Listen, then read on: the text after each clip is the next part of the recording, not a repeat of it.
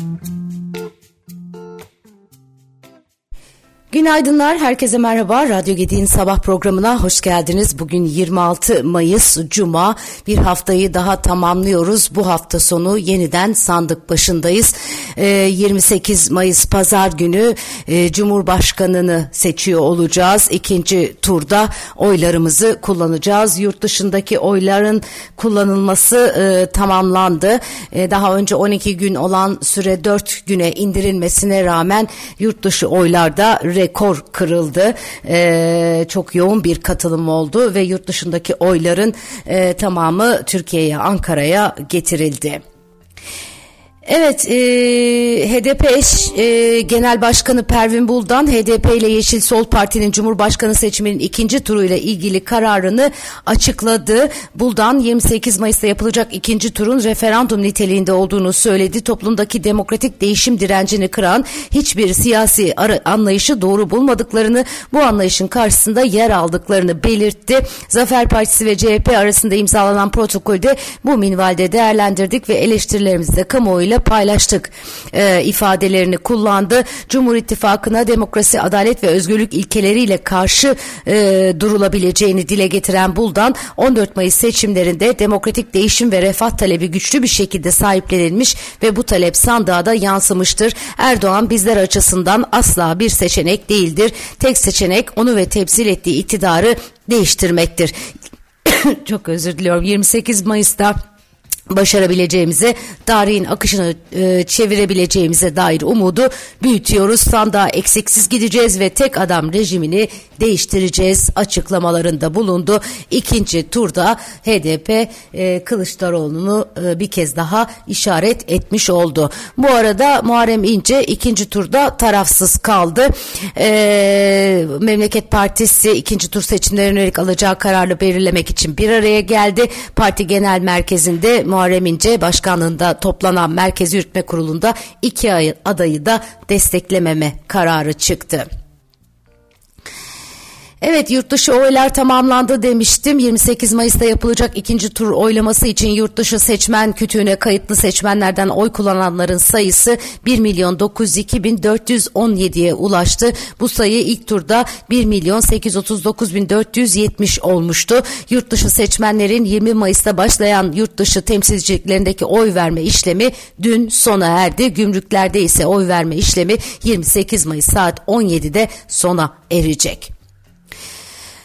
Merkez Bankası'nın net uluslararası rezervleri 2002 yılının başından bu yana ilk defa eksiye geçti. 19 Mayıs haftasında Merkez Bankası'nın net rezervi eksi 0,2 milyar dolar seviyesine geriledi. Böylelikle 21 yıl sonra ilk kez net rezervler negatif bölgeye geçti. Swap hariç net rezervlerde de kritik seviye izlendi. Buna göre swap hariç net rezervler 19 Mayıs haftasındaki eksi 60.3 milyar e, 19 Mayıs haftasında e, eksi e, 60.3 milyar oldu. Bir önceki hafta bu rakam eksi 57.8 milyar dolar olarak kaydedilmişti. E, 19 Mayıs haftasında brüt rezervler ise 3.5 milyar dolar düşüşle 101.6 milyar dolara geriledi. İki haftada çok özür diliyorum. İki haftada rezervler arkadaşlar e, tam olarak 12,5 milyar dolarlık düşüş kaydetmiş. E, Merkez Bankası'nın rezervlerinde 2 ayda ise 25 milyar dolarlık düşüş görüldü gerçekten büyük bir sıkıntı. E, hali hazırda zaten e, net rezervlerde swap hariç eksiği görüyorduk ama totalde nete baktığımızda ilk kez 21 yıl sonra e, sıfırı tükettik. Hani öyle söylerler ya sıfırı tükettik eksideyiz. Merkez Bankası'nın faiz kararı vardı dün. E, artık Merkez Bankası'nın faiz kararı e, çok e, takip edilmiyor. Çünkü orada belli bir politika izleniyor her şeye rağmen.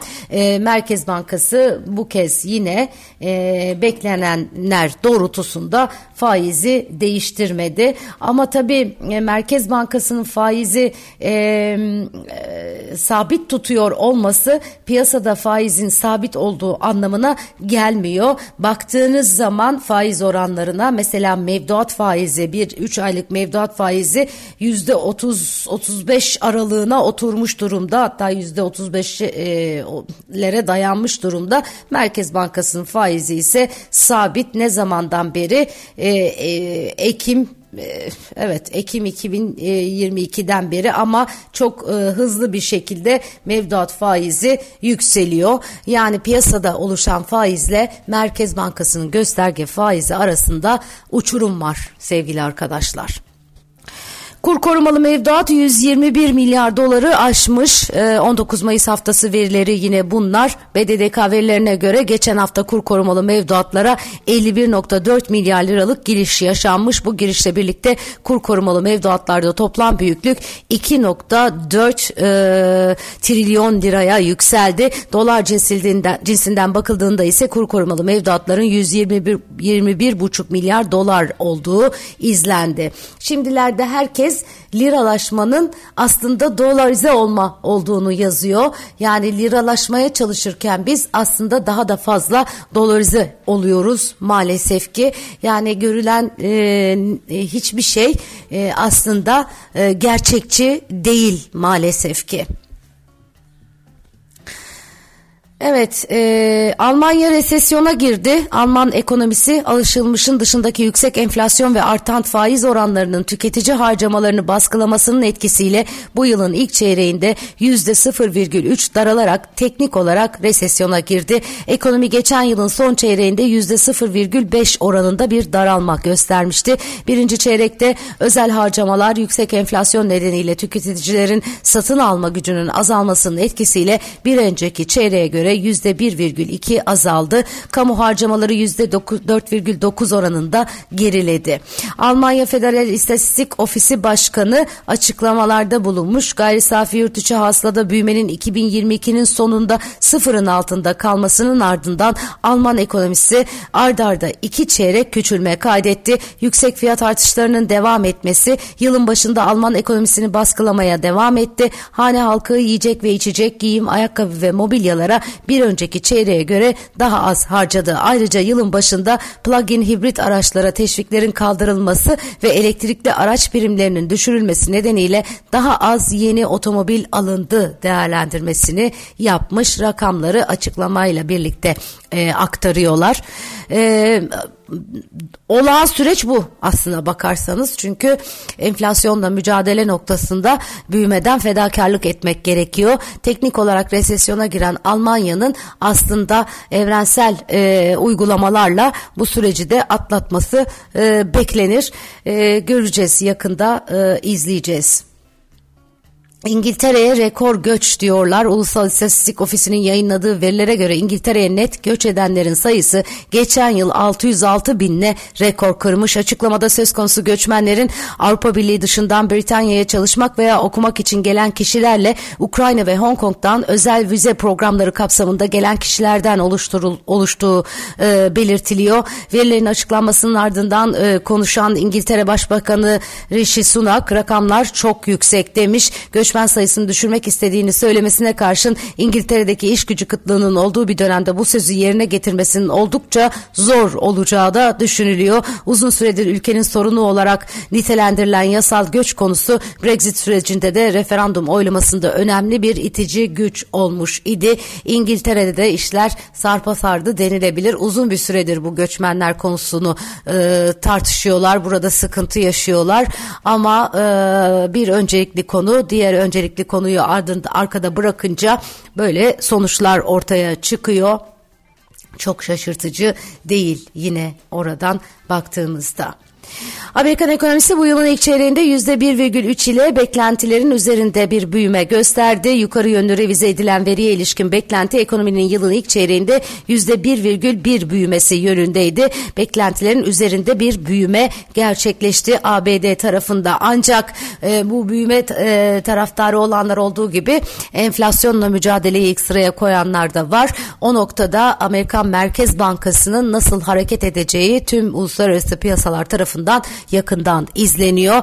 E, bugün de Amerika'dan gelecek olan e, PCE çekirdek enflasyon verisi ön planda olacak. Enflasyon e, ABD'de enflasyon epeyce bir e, dikkatle e, takip ediliyor biliyorsunuz. E, çünkü oradan e, oradaki m, rakamlar e, Fed'in Amerikan Merkez Bankası'nın aksiyonunu da doğrudan belirleyici oluyor. Onlarmış gibi yapmıyorlar.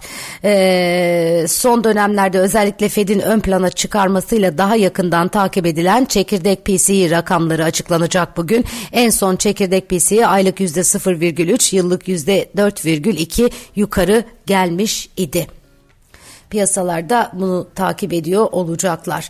Moskova'da kritik üçlü zirve gerçekleşti. Rusya Devlet Başkanı Putin, Azerbaycan Cumhurbaşkanı Aliyev ve Ermenistan Başbakanı Paşinyan, Azerbaycan er Ermenistan e, ihtilafını görüşmek üzere bir araya geldi. Toplantıda üç ülkenin başbakan yardımcılarının da e, yardımcılarının bir hafta sonra bir araya gelmesi kararlaştırıldı. Putin bu henüz çözülmemiş sorunların çözüleceğine dair umut veren iyi bir anlaşma değerlendirmesinde bulundu önce birbirlerini yiyorlar, arkasından barışıyorlar, arkasından yine yiyorlar. Olan kime oluyor? Halkları oluyor elbette ki. Olumlu bir görüşme yine dünyanın tarafından yakından izleniyor. Devlete olan borçların yapılandırılması için 30 Mayıs'ta sona erecek başvuru süresi 30 Haziran'a, borçların ilk taksit ödeme süresi de 30 Temmuz'a kadar uzatıldı sevgili arkadaşlar. Bu da yine bugünün notlar arasında yer alıyor borç yapılandırmada ve ilk taksit ödemede e, süre uzatıldı. Evet Erdoğan'ın, e, Ekrem İmamoğlu'nun, Çalışma ve Sosyal Güvenlik Bakanı Vedat Bilgin'in açıklamaları var. Ekranlarda konuşuyorlar. Keza AK Parti Genel Başkan Vekili Numan Kurtulmuş da e, konuşmuş. E, bunlar Habertürk'ün notlarından. E, 2024 başkanlık seçimlerinde Amerika'da yapılan anketler e, Cumhuriyetçi alaylara işaret ediyor ve hatta Başkan Trump e, diyor. Orada da enteresan gelişmeler oluyor. 2024 yılında başkanlık seçimine gidecek Amerika Mevcut Başkan Biden'ın muhtemel rakipleri Cumhuriyetçi eski Başkan Trump ve Florida Vadisi Ron DeSantis anketlerde önde. Cumhuriyetçilerin en önde gelen adayı ise Trump deniyor. Galatasaray Fenerbahçe derbisi 4 Haziran 2023 Pazar günü saat 19'da e, oynanacakmış. Derbinin de e, tarihi açıklanmış e, 4 Haziran'da e, gerçekten önemli bir e, maç izleyecek futbol severler. Evet, e, güzel bir hafta sonu diliyorum. Hepimiz birer e, vatandaş olarak vatandaşlık görevimizi yerine getirmek üzere, en önemli görevimizi yerine götür, getirmek üzere sandık başında olacağız. Sandık sonuçlarının e, adaletli bir şekilde e, öne çıkması ve e, tüm milletimiz için hayırlı uğurlu olmasını temenni ediyorum. E, pazartesi günü e, görüşmek üzere. Hoşçakalın, sağlıklı kalın.